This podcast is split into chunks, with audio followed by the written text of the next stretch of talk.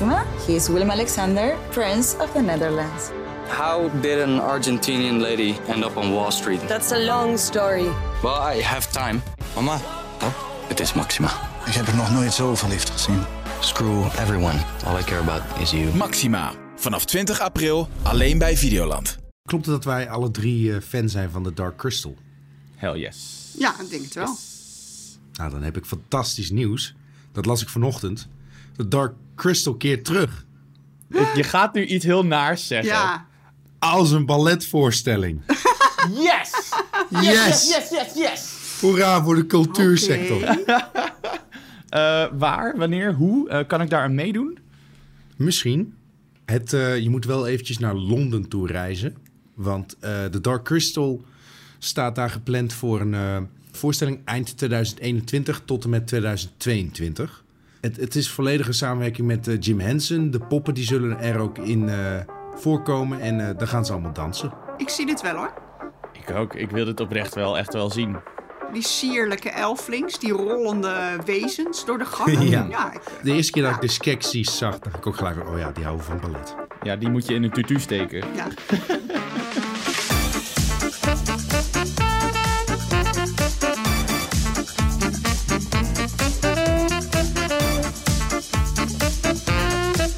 Hallo luisteraar, wat leuk dat je er weer bent voor een nieuwe aflevering van Bankplakkers. De podcast over alles wat er te zien is vanaf jouw bank op alle streamingdiensten. Mijn naam is Steven Kok en als ik een filmwereld mocht kiezen om in te leven, dan was het die van Star Trek. Want daar kon ik eindelijk gag eten en dat is een eh, klingongerecht gemaakt van levende wormen.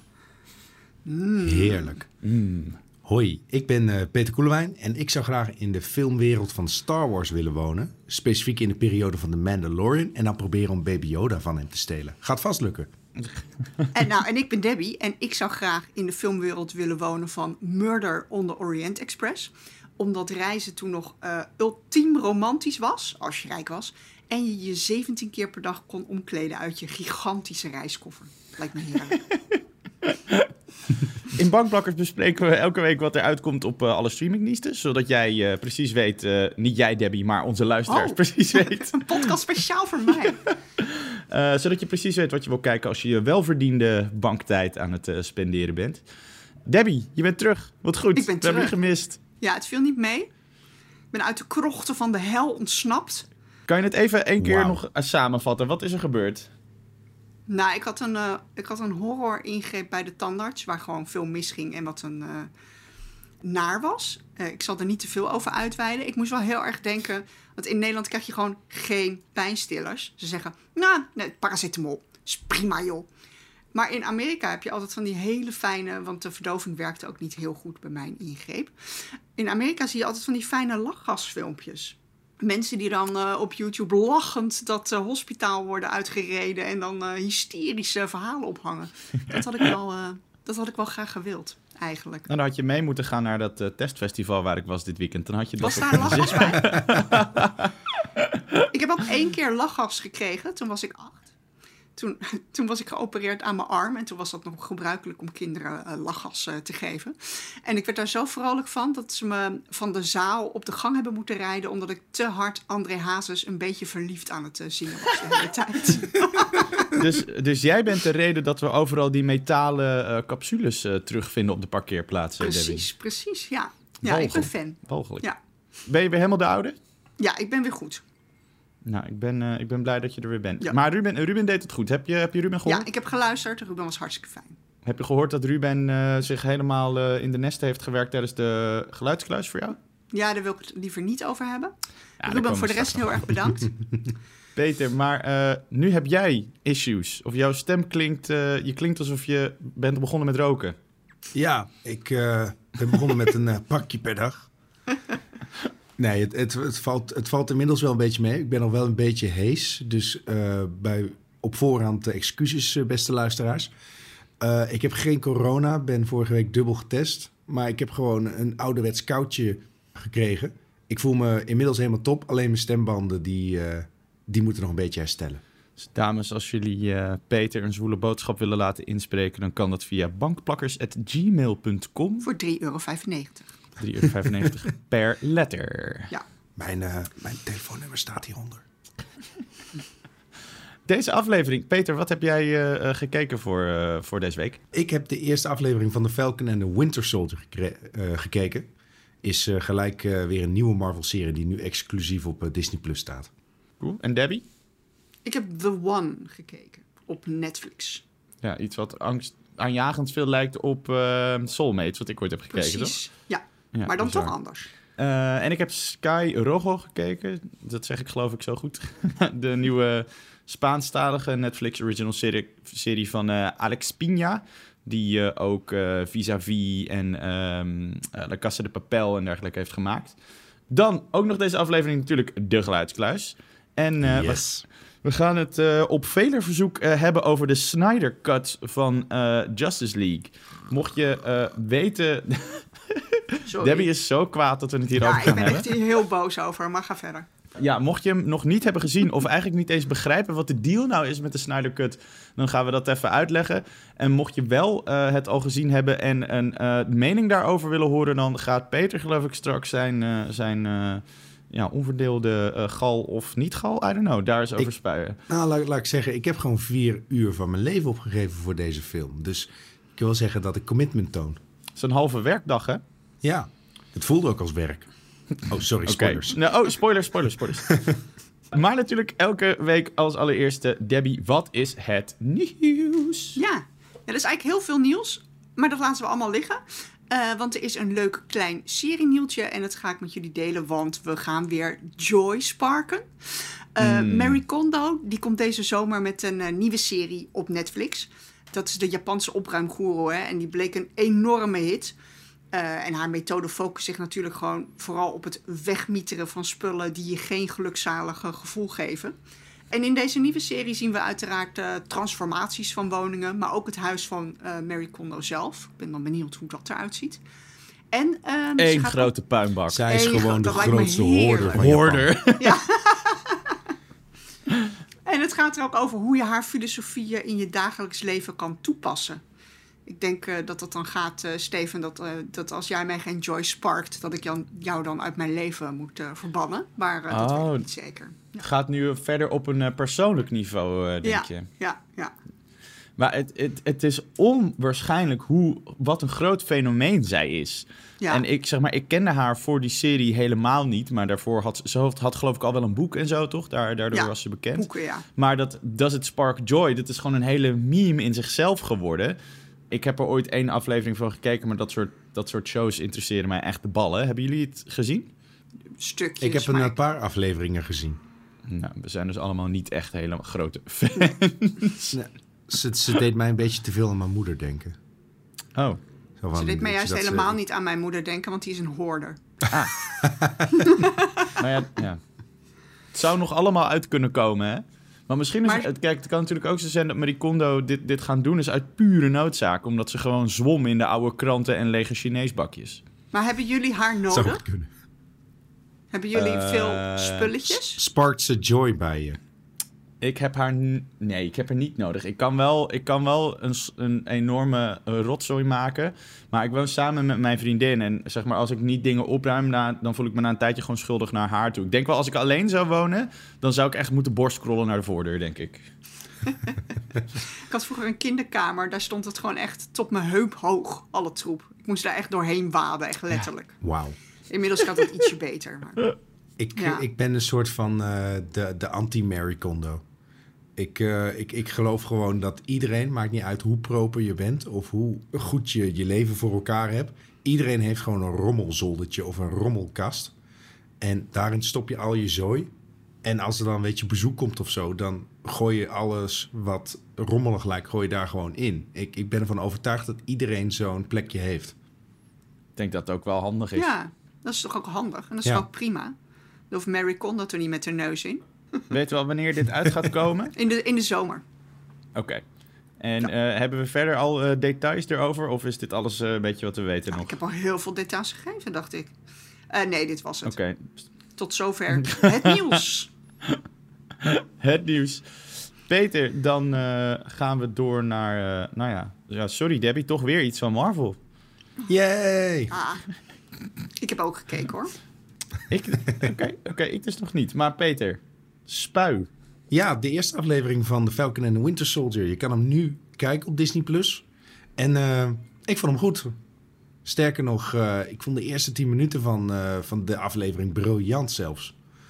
Het is zo'n zo'n heerlijke over-de-top achtervolging... die zo bizar en overdreven is. Dat kan alleen in een superheldenverhaal. Dus dat doet The Falcon and the Winter Soldier uitstekend.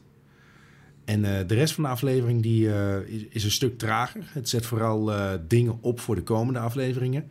Maar ja, ik, ik ga wel doorkijken, denk ik. En hoe, hoe zit dit? ehm, kijk, met WandaVision, dat was eigenlijk één groot onbegrijpelijk. Weet je, helemaal als je geen Marvel-kijker was, dan snapte je er geen bal van. Kan je hier instappen zonder dat je iets van Marvel gezien hebt? Of heb je wel achtergrondkennis nodig?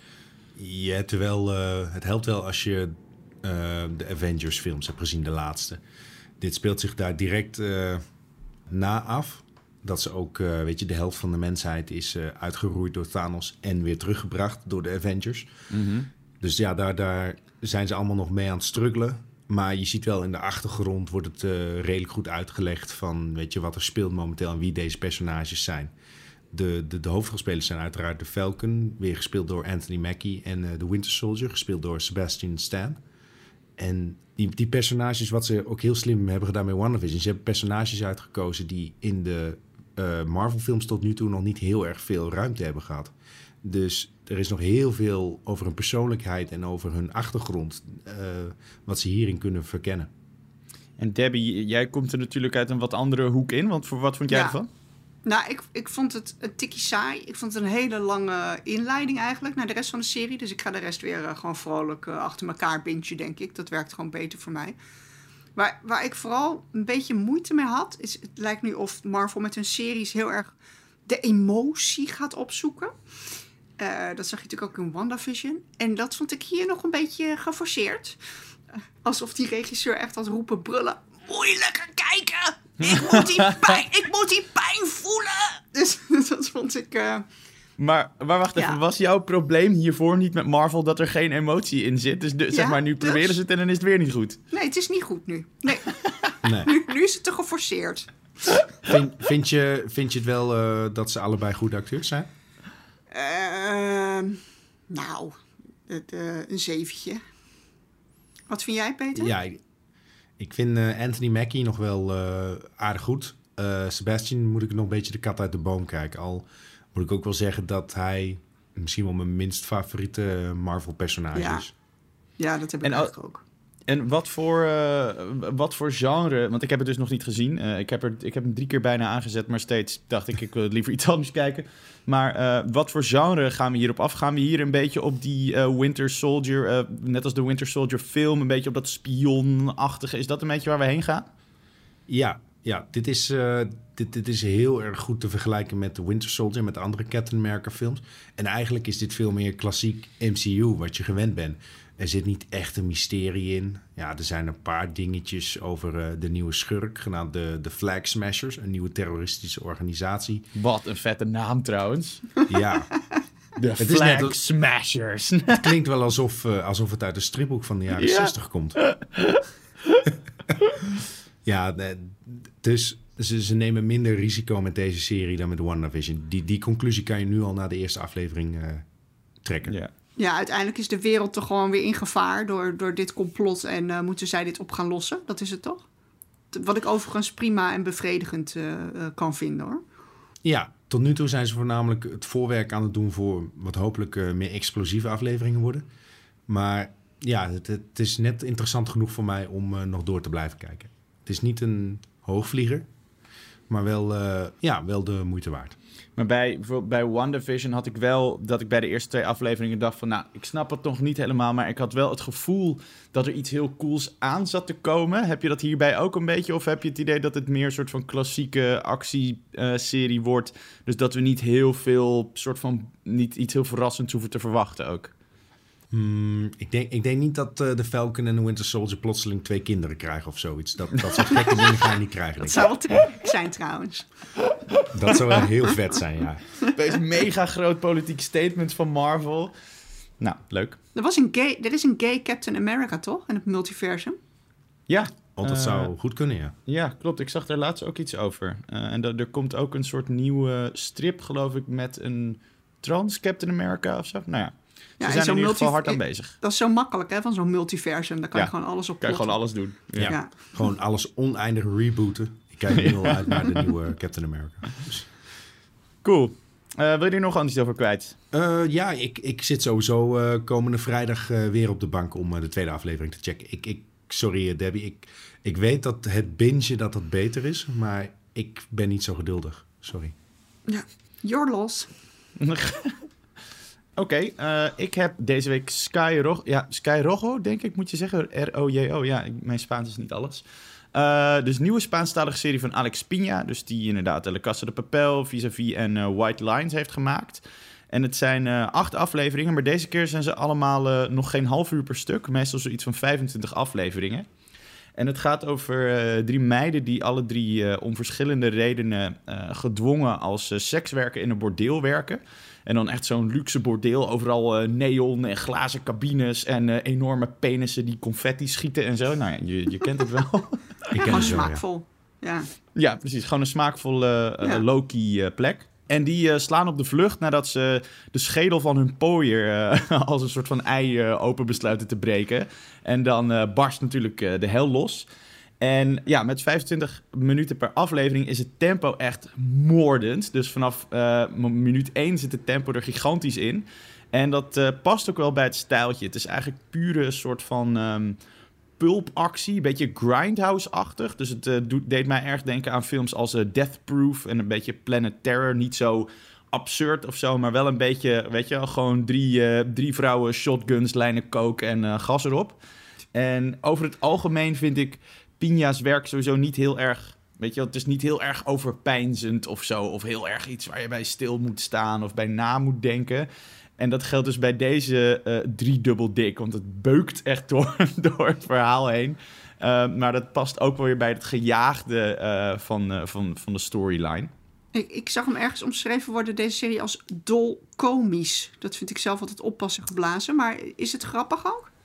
Ja, het- er zitten wel grappige momenten in, maar dat is niet, niet de nadruk. Het wordt soms een beetje komisch door, door het tempo en door het soort van, weet je, door het geweld en zo, wat soms best wel over de top is. En auto-chases die belachelijk zijn. En eh, er is bijvoorbeeld één scène dat er een auto achtervolgd wordt door een ambulance. En dan achter in die ambulance zijn twee mensen aan het vechten. Echt met die, weet je, met die dingen waarmee je mensen reanimeert. Die elektriciteitsdingen. En mensen worden met adrenaline naalden geïnjecteerd en zo. Het is echt totale chaos. Dus het is niet per se... Het is een beetje slapstick soms, dat wel. Ziet, ziet het er ook wel goed uit? Want het is best moeilijk om die pulp-stijl goed na te bootsen. Ja, het ziet er wel goed uit. Het speelt zich in Spanje natuurlijk af, dus ook Spaanstalig. En eh, het speelt zich heel erg in een soort van woestijnachtige omgeving af. Dus dat leent zich daar wel voor, weet je wel. Daarin komt het, heeft het ook wel een beetje Tarantino-vibes eh, soms. Dat is het sowieso wel een beetje, een beetje Tarantino-light. maar daarnaast zit er, er zit ook wel best wel een, eh, een serieuze boodschap in... over eh, mensenhandel en onvrijwillige prostitutie en dat soort dingen... En hier en daar zijn er daardoor echt wel, wel eh, pijnlijke scènes die daarover gaan. En dat, dat drijft natuurlijk die vrouwen ook. Hè. Dat, dat is hun, hun achtergrond. Eh, en het, het probeert echt wel iets te zeggen over hoe, eh, ja, hoe traumatiserend dat is... en hoe fucked up dat hen heeft gemaakt. Dat klinkt Maar- wel als een, als een moeilijke combo. Want aan de ene kant Ja. is in, pulp, in pulpfilms heb je vaak dat geweld slapstickachtig is of hilarisch. En dat je dan dat er tegenover zet, dat kan al heel gauw smakeloos worden. Klopt. Het is, nou, smakeloos wordt het niet, want ze, ze, ze gieten er een soort, af en toe een soort van beetje een dromerig, een beetje poëtisch sausje over, waarin je in flashbacks hun leven ziet daarvoor en in dat bordeel en dat soort dingen. Maar omdat het zo snel gaat, heb je totaal geen tijd om erbij na te denken, weet je wel. Het is zo, oh, eh, dit, eh, ik heb me hier zo en zo bij gevoeld en deze man liet me ooit dit en dit doen. En terug naar die car chase waar iemand een lijn coke doet en een shotgun trekt of zo, weet je wel. Dus er is gewoon, er is geen enkele tijd om stil te staan bij die dingen die het eh, probeert te zeggen. Maar ik moet zeggen dat het me niet heel erg stoorde. Want ik vond eigenlijk dat die achtergrond en dat, dat wat die vrouwen hebben meegemaakt... Is, voelde voor mij niet zozeer als iets waar ik over na hoefde te denken. Maar gewoon iets, als wat, wat laat zien, of iets wat laat zien waarom die vrouwen doen wat ze nu op dit moment aan het doen zijn. Eh, dus het vormt hun drijfveren voornamelijk. Mag ik twee conclusies trekken, Steven? absoluut. Ik- Liever wel. Ik, ik denk dat Nederland, eh, gemiddeld Nederland, heel veel Nederlanders gaan die gewoon heel hard op. Die vinden dat heel leuk. Ja. Denk, Ja. denk je ook? Ja, dat denk ik ook, zeker. J- jij vond het niet zo. Ik geef het een 7. Het, het, Ja. het kijkt gewoon makkelijk weg. Eh, er is eigenlijk niet zoveel op aan te merken, maar ik vind het ook... Ik ben het eh, ook over een week ben ik het weer vergeten. Ja. Ehm, dus ik vond het helemaal... Ik heb alle acht, acht- alle acht afleveringen gekeken. Vond ik helemaal geen probleem. Maar ik ga het me ook niet echt onthouden dat ik het gezien heb. En er zijn eigenlijk nu al dingen die ik geloof ik alweer eh vergeten ben. Enige echte grote kritiekpunt wat ik wel heb, dat is het einde. Want het is overduidelijk dat er een seizoen 2 komt. Maar daardoor is er een gapend open einde eh, na die acht afleveringen. En dat vond ik zo ongelooflijk onbevredigend. Dat ik dacht van ja, dit is gewoon een beetje kut. Want nu, ja, dit, ja, ik weet niet. Ik voelde me gewoon een beetje erbij gelapt. Of, of is het net zoals Lupin, dat ze gewoon eh, het seizoen door de midden hebben gehakt en gezegd hebben, haha, de rest doen we over een half jaar. Volgens, nou ja, zo voelt het wel. Maar volgens mij is het wel gewoon eh, bedoeld als seizoen 1. Leuk. En inderdaad, ik denk dat heel veel mensen hier heel erg van kunnen genieten. Het is gewoon lekker hersenloze pulp. Meer heb ik eigenlijk ook niet over te zeggen. Debbie, wat heb jij gekeken? Of dat weten we al, maar vertel erover. Ja, ik heb dus The One gekeken op Netflix. Acht afleveringen. Eh, en- the one. Sorry, ik moest dat Heerlijk. Steven. Mm. Eh, en ik werd wel bekropen door een eh, déjà vu toen ik het ehm, aan het checken was. Eh, want de serie draait dus om de vraag... Wat als er op de aarde een genetisch gematchte liefde van je leven rondloopt? En er een bedrijf is die die match voor jou kan vinden.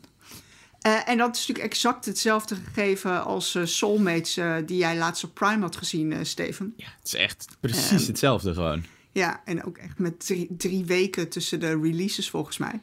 Alleen Ja. op Prime zijn het losse afleveringen met wisselende karakters. En dit is echt één serie. En zelfs eigenlijk meer een eh, crime-serie dan een Black Mirror-achtig science fantasy drama. Dus er zijn wel echt Ah, eh, eh, verschillen. Hè, En, en het verhaal speelt zich dus af in een wereld waar er een genetische database is, die je inzicht kan geven in wie jouw zielsverwant is. En dat we zien dat dat desastreuze gevolgen kan hebben.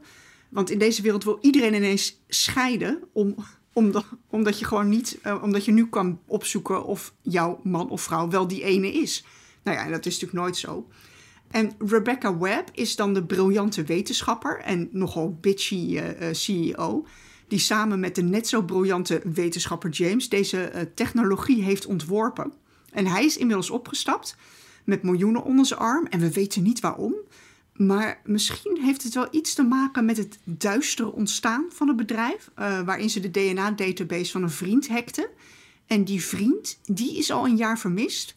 En die komt in de eerste aflevering bovendrijven. Of althans, zijn lijk wordt opgedrecht eh, uit het water. Dus zo eh, starten we The One. Er zijn er nog allemaal zijlijntjes over een politieagent die deze zaak onderzoekt. En een journalist.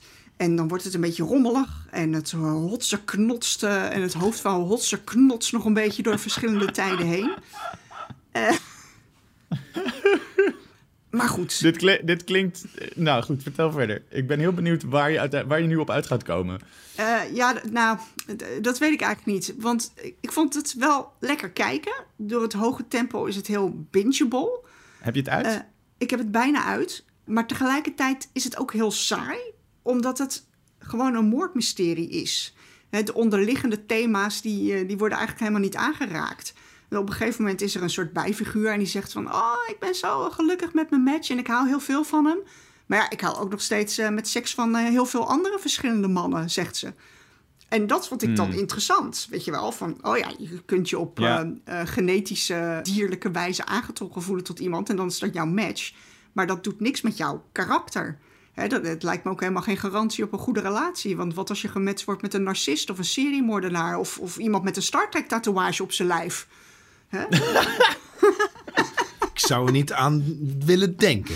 Nee, dit, ik, nee. Geef mij die seriemoordenaar dan maar. en ik denk dat de Prime-serie dat soort thema's meer raakt. Nou, specifiek eigenlijk eh, een van de dingen, en ik ga niet zeggen welke, maar, een- nee, zeg maar dat bijvoorbeeld van die moordenaar, specifiek dat is een vraag die beantwoord wordt in, in, Ja. in de serie op Prime, in, in Soulmates. En eh, Soulmates die kijkt, die kijkt juist heel erg naar al die verschillende facetten van die vraag van stel dit zou bestaan, wat doet dat dan met de mensheid? Maar dat doet The One dus eigenlijk helemaal niet. Nee, dit, dit is gewoon een snackserie met een, eh, met een onderlaag eh, van, van dat matchen op DNA. En ik zou zeggen, weet je, als je even niet de mentale bandbreedte kan opbrengen voor, voor iets stevigers, dan, dan is het prima om te ontspannen. Hè, als light tussendoortje. Maar volgende maand weet je niet meer waar het over ging. Nee. Het is grappig, het is een beetje dubbel, want enerzijds, eh, zeg maar, als ze hetzelfde hadden gedaan als Soulmates, was het natuurlijk helemaal kak geweest, want dan heb je twee keer dezelfde serie. Ja. Aan de andere kant, nu ze niet die vragen hebben beantwoord, denk ik al helemaal van, ja, wat is dan de toegevoegde waarde? Ja, zou het, misschien zijn dat, of zou het misschien zijn dat ze dat eruit hebben geknipt? Omdat ze die serie zagen, Soulmates, en dachten... Ja, de- fuck. Ja, er moet ergens een moment zijn geweest, toch, dat die twee, dat die twee Ja. verschillende productieteams erachter kwamen dat er iemand anders dit ook aan het maken was. En dat ze dachten, kak, kak, kak, kak. Ja, maar toch, toch wordt het wel goed bekeken. Het staat echt al weken in de, in de trending eh, Netflix-lijst. En, en dat Ja. snap ik dus ook wel. Want ja, het, het is gewoon een, een, ja, een prima moordmysterie. En, en als je het zo bekijkt, dan, nou, dan kan het. Maar meer dan een zesje is dit niet. Maar zijn wij, zeg maar, vinden wij nog steeds dat die Netflix trendinglijst een goede indicatie is van hoeveel Nederlanders dingen kijken op Netflix? Ja, we hebben niks anders, hè? Nee, maar mijn sceptisch is groot hoor. Ik zie, ik zie wel dat Netflix-series en eh, films, exclusieve titels, die krijgen voorrang. Ja, die krijgen we- sowieso voorrang. Weet je wat, we gaan, ik ga dit uitvragen bij Netflix. En ergens in de komende aflevering ga ik hierop terugkomen, want ik wil Ja, dit namelijk en- gewoon echt even weten. Ja, ik ook. Maar denk je dat ze eerlijk gaan antwoorden? Uh, dat weet ik niet, maar dan hebben we in ieder geval het nep-antwoord. Vra- Oké, ik schrijf nu Nep op. Netflix, dubbele punt. Oh, ik, mijn, aut- mijn autocorrect heeft er, heeft er ventriloquism van gemaakt. Ook goed. Tuurlijk, ventriloquism, goed. dubbele punt. Uh, Dat is buikspreken, toch? ja, Uh, maar je zou, zou... Dit klinkt als een... Ook een zesje of een zeventje. Ja, een zesje. Ja. Ja, oké.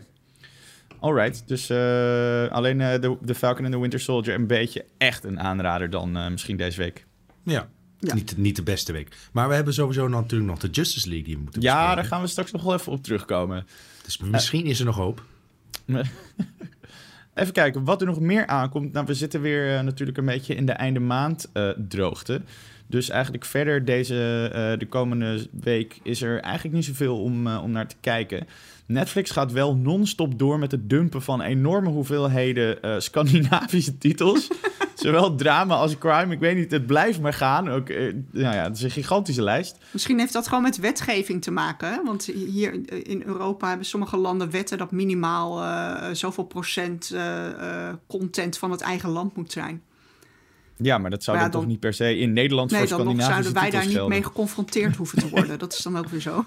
Nee, maar je ziet ook wel dat ze het niet groot eh, promoten of zo. Eh, zeg maar, ze schuiven het, schuiven het er allemaal op. En als je bij de eh, nieuw en, en trending of zo kijkt, daar zie je het dan allemaal bij Ja. staan. Maar het is niet alsof ze er een grote campagne voor aan het voeren zijn. Dan is er eigenlijk maar één ding waar ik nog even de aandacht nog op wil focussen. Dat is namelijk op Prime. Daar komt op 26 maart Palm Springs uit. Van Andy Samberg, die we kunnen kennen als Jake Peralta uit Brooklyn Nine-Nine. En eh, Kristin Miliotti, die de moeder speelt in eh, How I Met Your Mother. En die spelen, nou komt die Debbie, in een soort eh, Groundhog Day-achtige film. Waarin Andy Samberg vastzit op de saaiste bruiloft ooit. Niet zijn bruiloft, maar die van iemand anders, waar die die de hele tijd opnieuw doet. En dan komt Christine Miliotti's personage, die komt daarbij en die blijkt dan ook vast in die dag te zitten. En dan gaan ze nou ja, met z'n tweeën helemaal naar de kloten en eh, zich afvragen wat voor zin het nog heeft om te leven als je de hele dag dezelfde dingen doet. En nou goed. Dus een beetje wat er in Groundhog Day ook zit. De eerste reacties, eh, of ik geloof dat Ruben ehm, eh, hè, van de vorige aflevering van Bakplakkers, Ruben die heeft hem gezien, vond hem best aardig, zei hij. Ik ben wel echt best wel groot fan van Andy Samberg. Ik hou ook heel erg van, eh hoe heet het, eh, Lonely Island en zo. Dus ik, eh, ik heb hier wel eh, high hopes voor. Ik, ik, ben, ik ben ook wel fan van Andy Samberg, maar vanavond is een Brooklyn Nine-Nine streken. En ik ben Mhm. wel echt benieuwd van hoe hij is in een, in een serieuzere rol. Ja, maar het is een comedy. Eh, Oh. de, en eigenlijk Andy Samberg is in elke rol is hij altijd Andy Samberg. Eh, mijn favoriete rol, of een van mijn favoriete vo- rollen van hem is in eh, Parks and Recreation. Daar speelt hij een, eh, een man die, alleen, die alles, al, alles wat hij zegt schreeuwt. De hele tijd. Het is heel grappig. Het is moeilijk uit te leggen waarom het grappig is, maar dat is grappig. Maar dat is eigenlijk alles voor, eh, voor aankomende Heel week. schraal. Karig. Wauw. Ja. Maar goed, het is natuurlijk wel weer. eh, eh, het betekent waarschijnlijk ook wel weer dat Netflix dit weekend eh, wel weer iets online zal gooien waar we van tevoren niks van wisten. Dus eh, nou, daar komen we dan vast eh, volgende week wel weer even op. Peter, het is weer tijd. Je mag weer. Maar ik heb helemaal geen zin in dit segment meer ook. Het is echt mijn lievelings. Moeten we de kluis nog even gaan openen? Ja, Dat doe is wel maar. zo makkelijk. Kom maar.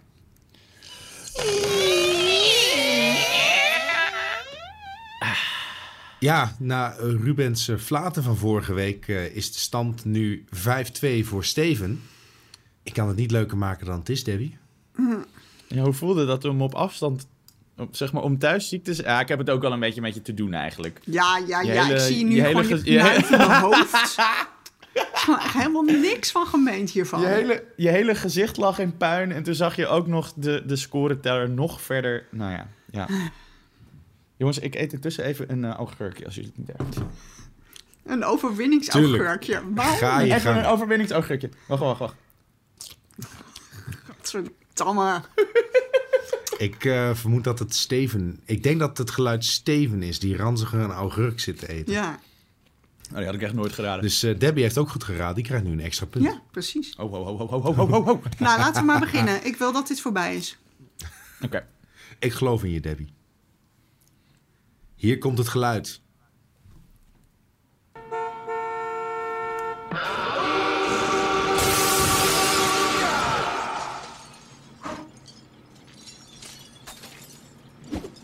Het rinkelende glas gaat ook maar door. Ik heb er wel een soort beeld bij, maar... Ja. Hier komt hij nog een keertje.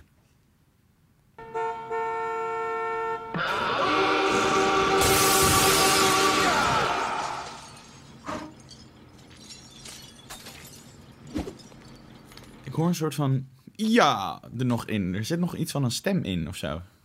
Misschien. Wat voor beeld heb jij erbij dan, Debbie? Nou, van een heel koddig, eh, een koddig wagentje wat onder een trein rijdt, bijvoorbeeld. Ja, zo- ja, of zo- zo'n eh, zo'n Donald Duck Ja, autootje precies. of zo. Zo, wie, wie, en dan, eh, ja. ja, Als, waar zo van die, van die, van die wolkjes... eh, Ja, Oké, ja. Het heeft wel iets tekenfilmachtigs, ja. Mhm. Hier komen de keuzes. Het is A. Het geluid van Batman die door het glas valt in Batman en Robin. Of het kan keuze B zijn. De geest die als een duikboot Aladdin uit het water redt in de tekenfilm. Maar het kan ook C zijn. De Mask die een grote hoorn gebruikt op een auto. Of misschien is het wel D. Johnny Depp die al hallucinerend zijn kamer overhoop haalt in Fear and Loathing in Las Vegas. Ik ga voor C. Eh, even kijken. Batman en Robin, dat is... eh, Dat is van degene wanneer is die ook eh, alweer? Arnold Schwarzenegger als Mr. Freeze. oh ja. Eh, jij ging voor C, Ja. Debbie. Wat was C ook alweer? De mask. C was de mask. Ik ga voor D. Johnny Dus, Depp. eh, Johnny, Johnny Depp. Ja. Oké. Steven, Ja, beter. jij staat met eh 5-2 voor op Debbie. Mhm. Je geeft het antwoord D. Er zit 20.000 euro in de prijspot. Mhm. Ja, ja, ja, ja. En de eindstand is nu 5-3, want Debbie heeft het goed. Yes! Oké. Eindelijk. Oké. Het eh, was de mask. Er is eh, een zekere scène waarin eh, hij eh, over de straat oversteekt. En een auto begint tegen hem te toeteren. Dus wat doet hij? Hij pakt een kleine knijphoorn uit zijn eh, broekzak. en die wordt gigantisch. Waarbij je dus dit geluid hoort.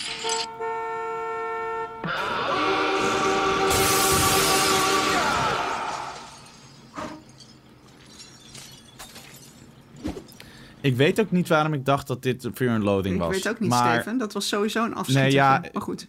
Ik vond, Ja, ik vond het leuk dat je me dit punt gunde. Sympathiek. Zoals eh, Arnold Schwarzenegger zou zeggen, I'll be back. Overigens nog een leuk eh, weetje hierover. Graag. Eh, het geluidseffect is een bekend tekenfilmgeluid dat je hoort. Staat bekend als de Ahuga. Ja. Ja. En voor de mask hebben ze hem speciaal verlengd. En iemand die roept er ook letterlijk doorheen, Ahuga. Ja. Dus lekker meta en precies on brand voor de mask. Ja. ja Is ja, dat ja, als ja. ogen eruit ploppen? Ja, precies. Ja. Ja. Ja. Ja, ik wist dit. Oké, Eh, gefeliciteerd, Debbie. dank, dank. Gefeliciteerd. Ja. goed gedaan. Zie je, opeens is de vrede eh, wedergekeerd. cool. Dan eh, gaan we naar de bankzaken. De bankzaken van de week, die eh, gaat over de nieuwe Justice League Snyder Cut. Eh, van verschillende plekken kregen we eh, mensen die, eh, die daar iets over wilden plekken. weten. Oh. Eh, nee, nee, nee. Ja, oké. Twee mailtjes Nee. hebben we gekregen. Twee mailtjes. En ik heb ook, Ja, en ik heb ook een poll op eh, Instagram eh, gezet van... Weet je, ga jij Justice League kijken of heb je hem al gezien? Ja, wat was de uitslag? Eh 67% zei eh, ja, die heeft wel interesse om hem te kijken of heeft hem al eh, gezien. Die mensen moeten zich allemaal bij mij melden. die moeten, die, die hebben, die moeten nablijven. Eh, ja, jullie kunnen eh, Debbie op Twitter bereiken. Ehm, dus alles at... eh, wat is jouw Twitter-handle, Debbie? Ja, gewoon Debbie Noble. Oké, ja. Eh, nou, onder andere Jimmy Bosman en Gino... Sorry Gino, ik weet je achternaam even niet. Hebben ons een, een mailtje gestuurd. Die vragen zich onder andere af... eh, wat wij van de soort van wat meer duistere benadering vinden van het superheldengenre. Maar ook wat we van de Snyder Cut zelf vinden. Dus de manier waarop het eh, in vier uur lang opeens allemaal nieuwe personages eh, introduceert. En ja, hoe het eigenlijk toch ook een beetje tegen Marvel probeert op te boksen. Maar Peter, even voor mensen die geen idee hebben wat de Snyder Cut is, kan jij, zou jij dat kort uit kunnen leggen? Ja, Steven, sterker nog, je zou de hele podcast kunnen vullen over het drama dat achter het scherm heeft plaatsgevonden bij Justice League. maar dat gaan we niet doen. Ik, ik Goddank. geef wel even de Wikipedia-versie. Wellicht kunnen we later nog bepalen of we een vier uur lange extended cut van deze podcast gaan uitbrengen. Een Steven Cut. Ja, Debbie, ik had gehoopt dat, dat jouw puntje in de, in de geluidskluis als een soort fopspeen jou wat minder agressief zou Nee, maken nee, ik ben dit nog steeds woedend. Maar het is Dus niet het, eh, gebeuren. Ik, ik zal me heel even... Ik laat Peter even praten en dan, en dan komt mijn toren over jullie razen. Ja, Oké. Ga je gang. Peter. ik, ik moet dus blijven praten, heel goed. Ja, ja, ja, Eh, keep talking, keep talking. Nou, maar goed, de- hier is de Wikipedia-versie en er zit genoeg drama in. Dus wellicht vindt Debbie dat ook nog wel leuk om te weten. Zack Snyder was oorspronkelijk de regisseur die Justice League zou gaan filmen in eh, 2017, als ik het goed heb. Ja, klopt. Alleen hij moest halverwege het project verlaten vanwege een familiedrama. En toen zat Warner Bros. met een halve film waarmee zij Avengers uit het water wilden blazen.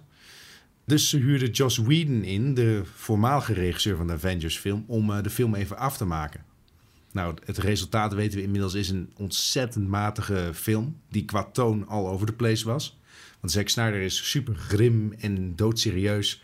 En Joss Whedon is meer van eh, grapjes in zijn, eh, in, in zijn film stoppen. Dus ja, dat zag je een beetje van allebei terug. Fans waren woest en die eisten de Snyder Cut te zien. Dat is een online campagne geworden die eh, jarenlang op best wel agressieve wijze aan Warner Bros. heeft geëist om die Snyder Cut te zien. Release the Snyder Cut was de hashtag, toch? Ja. En eh, fast forward naar 2020 gaf Warner Bros. eindelijk toe. Hadden we ook waarschijnlijk ook iets mee te maken dat ze HBO Max lanceerden als een streamingdienst. En dat ze wanhopig op zoek waren naar content. Maar door corona kon niemand een film of een serie maken. Dus eh, ze gaven Zack Snyder een grote zak geld en die zeiden van... eh, nou, je krijgt volledige creatieve vrijheid met deze versie. Maak ervan wat je wil. Nou, die, die kans heeft hij gepakt. Eh, Zack Snyder's Justice League, zoals officieel de film heet, is vier uur lang. En je ziet hem in een aspect ratio van 4 bij 3. Wat inhoudt dat je dus op je peperdure flatscreen zie je zwarte balken aan de zijkanten. Cool. Ja, het, het, is, het is een soort IMAX eh, aspect ratio, las ik, toch? Snyder's eh, redenering is van Ja. de film zou eigenlijk op een IMAX-scherm moeten worden gezien. En die kan je nu alleen zien thuis op je tv. Dus ik zet hem in een IMAX-formaat. Ja. En het is ook niet alsof de film daar echt gebruik van maakt. Je ziet soms best ook wel wat ruimte boven de hoofden. Omdat ze... ehm, ja, ze hebben eigenlijk... Ik, ik weet eigenlijk niet of ze überhaupt scènes in, eh, met, mm, in dat IMAX-formaat hebben gefilmd. Of dat gewoon in de montage is gebeurd. Right. Zo, ik, En jij, ik, jij hebt hem gezien, hè? ik moet nu toch even Ja, wat sorry, zeggen. Mag ik toch wat zeggen? Ik, Tuurlijk, ik heb, zeg even ik heb. Justice League Zeg gezien, even hè? wat dingen. Ik heb Justice League gezien. Daarna had ik het gevoel of mijn hersenen in de magnetron waren geweest. Het was echt een afschuwelijke ervaring. En Ja, dan, heel begrijpelijk. Ja, het was gewoon heel erg. En dan kan je hem vier uur maken, kan je hem zes uur maken, kan je hem zwart-wit maken, kan je hem op zijn kop zetten. Dat, dat wordt toch gewoon nooit beter, Peter? Hoe, hoe dan? Ik, ik, ik vond hem eerlijk gezegd wel beter, maar met een vraagteken op het eind.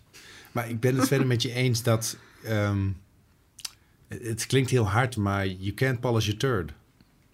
Ja, precies. Ja, Ehm, ja, ze, ze, gebruiken, ze vertellen alsnog steeds hetzelfde verhaal. En dat is van een boze alien komt uit de ruimte om drie doosjes terug te stelen van de aardlingen. En met die doosjes wil hij combineren om de aarde te veranderen in een planeet voor zijn baas. Dat, dat verhaal zit er nog steeds in. Maar je hebt, wel, je hebt wel veel meer scènes tussendoor. En hij heeft ongeveer 25% aan extra scènes opgenomen. Maar het wordt er niet echt beter van. Het is wel consistenter in toon. En het is qua project indrukwekkend. Maar het is geen goede film. Ik heb een beetje het gevoel dat. En ik heb het niet gezien, hè, dus eh, verbeter me vooral als ik eh, uit mijn nek klets. Maar DC heeft natuurlijk een aantal al een soort van gritty en donkere films gemaakt die wel een succes waren. Zoals hè, de, de of, eh, Joker was er eentje van Todd Phillips. En eh, eh, de mm, eh, Dark Knight trilogie van eh, Nolan. Die waren natuurlijk echt te gek. En mensen hielden daar heel erg van. En dus ik denk dat Snyder een soort van dat ook heeft geprobeerd. Een beetje dat donkere en dat gritty ding.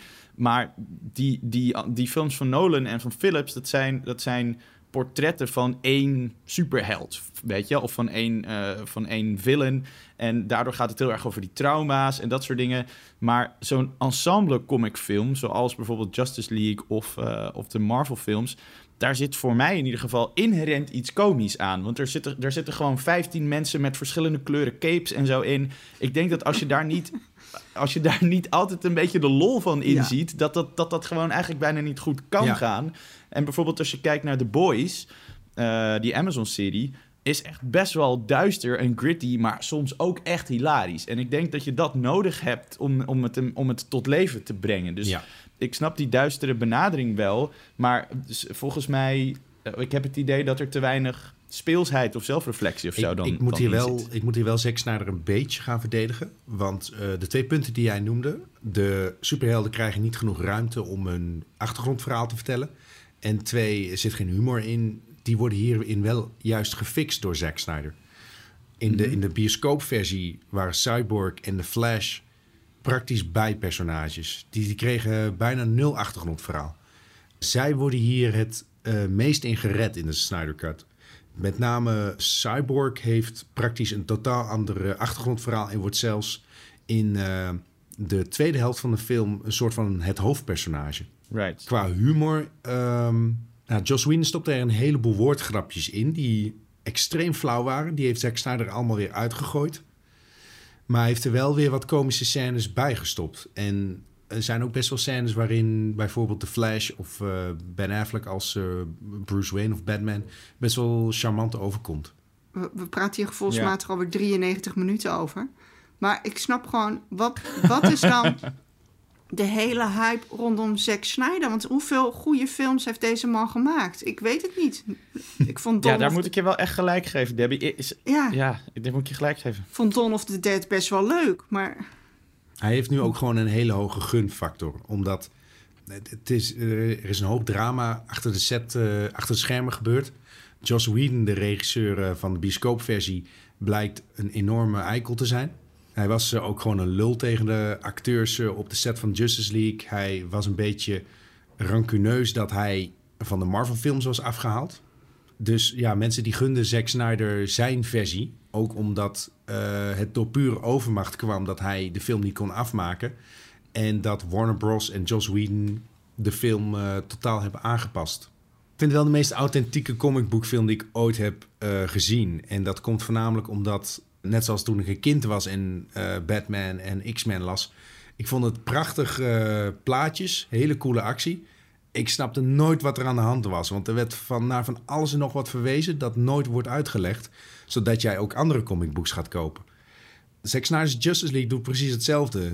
Weet je, ik heb geen flauw idee ehm, of tenminste de gemiddelde kijker heeft geen flauw idee wie Darkseid is, wie Martian Manhunter is. En die komen gewoon allemaal langs alsof je dat moet weten. Dus je kunt ook beter Wikipedia of Google eventjes open houden wanneer je de film kijkt. En Ja. De meest bizarre scène die ik zag, waarbij ik echt dacht van, ik heb vol, volgens mij ben ik aan het eh, hallucineren, was eh, een scène waarin je de superschurk zat en zag en achter hem stond een eh, oud vrouwtje, in, gewoon in de achtergrond. En die lijkt precies op mijn oma. Dus ik zat zo s'avonds laat zat ik te denken van, ben ik nu aan het hallucineren? En dat bleek dan ook weer een of andere obscure schurk te zijn uit de DC Comics, die je zou moeten weten. Wordt totaal Je bent ook wel echt een beetje ziek, hè, Peter? Dus misschien heb je gewoon koorts. Ja. Nou eh, ja, Jimmy, eh, Gino, eh, niet, ehm, niet hele warme woorden ben ik bang dus eh, eh, voor de Snyder Cut. Nou, hij is, hij is voor de fans. Voor de fans is Van hij jullie, ben ik, van jullie ben ik wel fan. Dat was hem. Dan zijn we wel ook alweer door de, door de aflevering heen. Eh, bedankt voor het luisteren. Bla bla, like, subscribe, alles. Worden we blij van. En vooral eh recensietjes achterlaten. Eh, heb je een vraag eh, voor ons die graag in de bankzaken besproken wil horen worden? Dan weet je ons te vinden. Dat kan via bankplakkers.gmail. Dat kan bij bankplakkers op Twitter. Dat kan bankplakkers op Instagram. We zijn overal. Dat wilde ik eigenlijk nog zeggen. Willen jullie nog iets zeggen tegen onze luisteraars voordat we stoppen? Sorry voor dit laatste segment. Nou, ik heb nog één puntje dat ik even wou zeggen over Zack Snyder's What? Fix it in post. Ah, ah. Genoeg, stop. Oké, ik heb weer een quote. Ik ga nu heel snel die quote erin gooien, anders dan gaan we maar door. Komt-ie. Oeh, that's a bingo. Is that how you say it? That's a bingo? Van Zack Snyder's Justice League. Oh ja, mond. Het is Colonel Hans Landa van Inglourious Bastards. Dat was mijn tweede keus. Juist. Oké, nou, hartelijk bedankt weer voor het luisteren. Stay justice of zo. En eh, tot de volgende. Doei. Joe.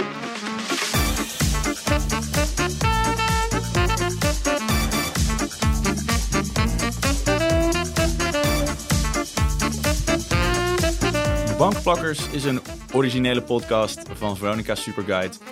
Mijn naam is Steven Kok en mijn gasten zijn elke week Debbie Nobel en Peter Koelewijn.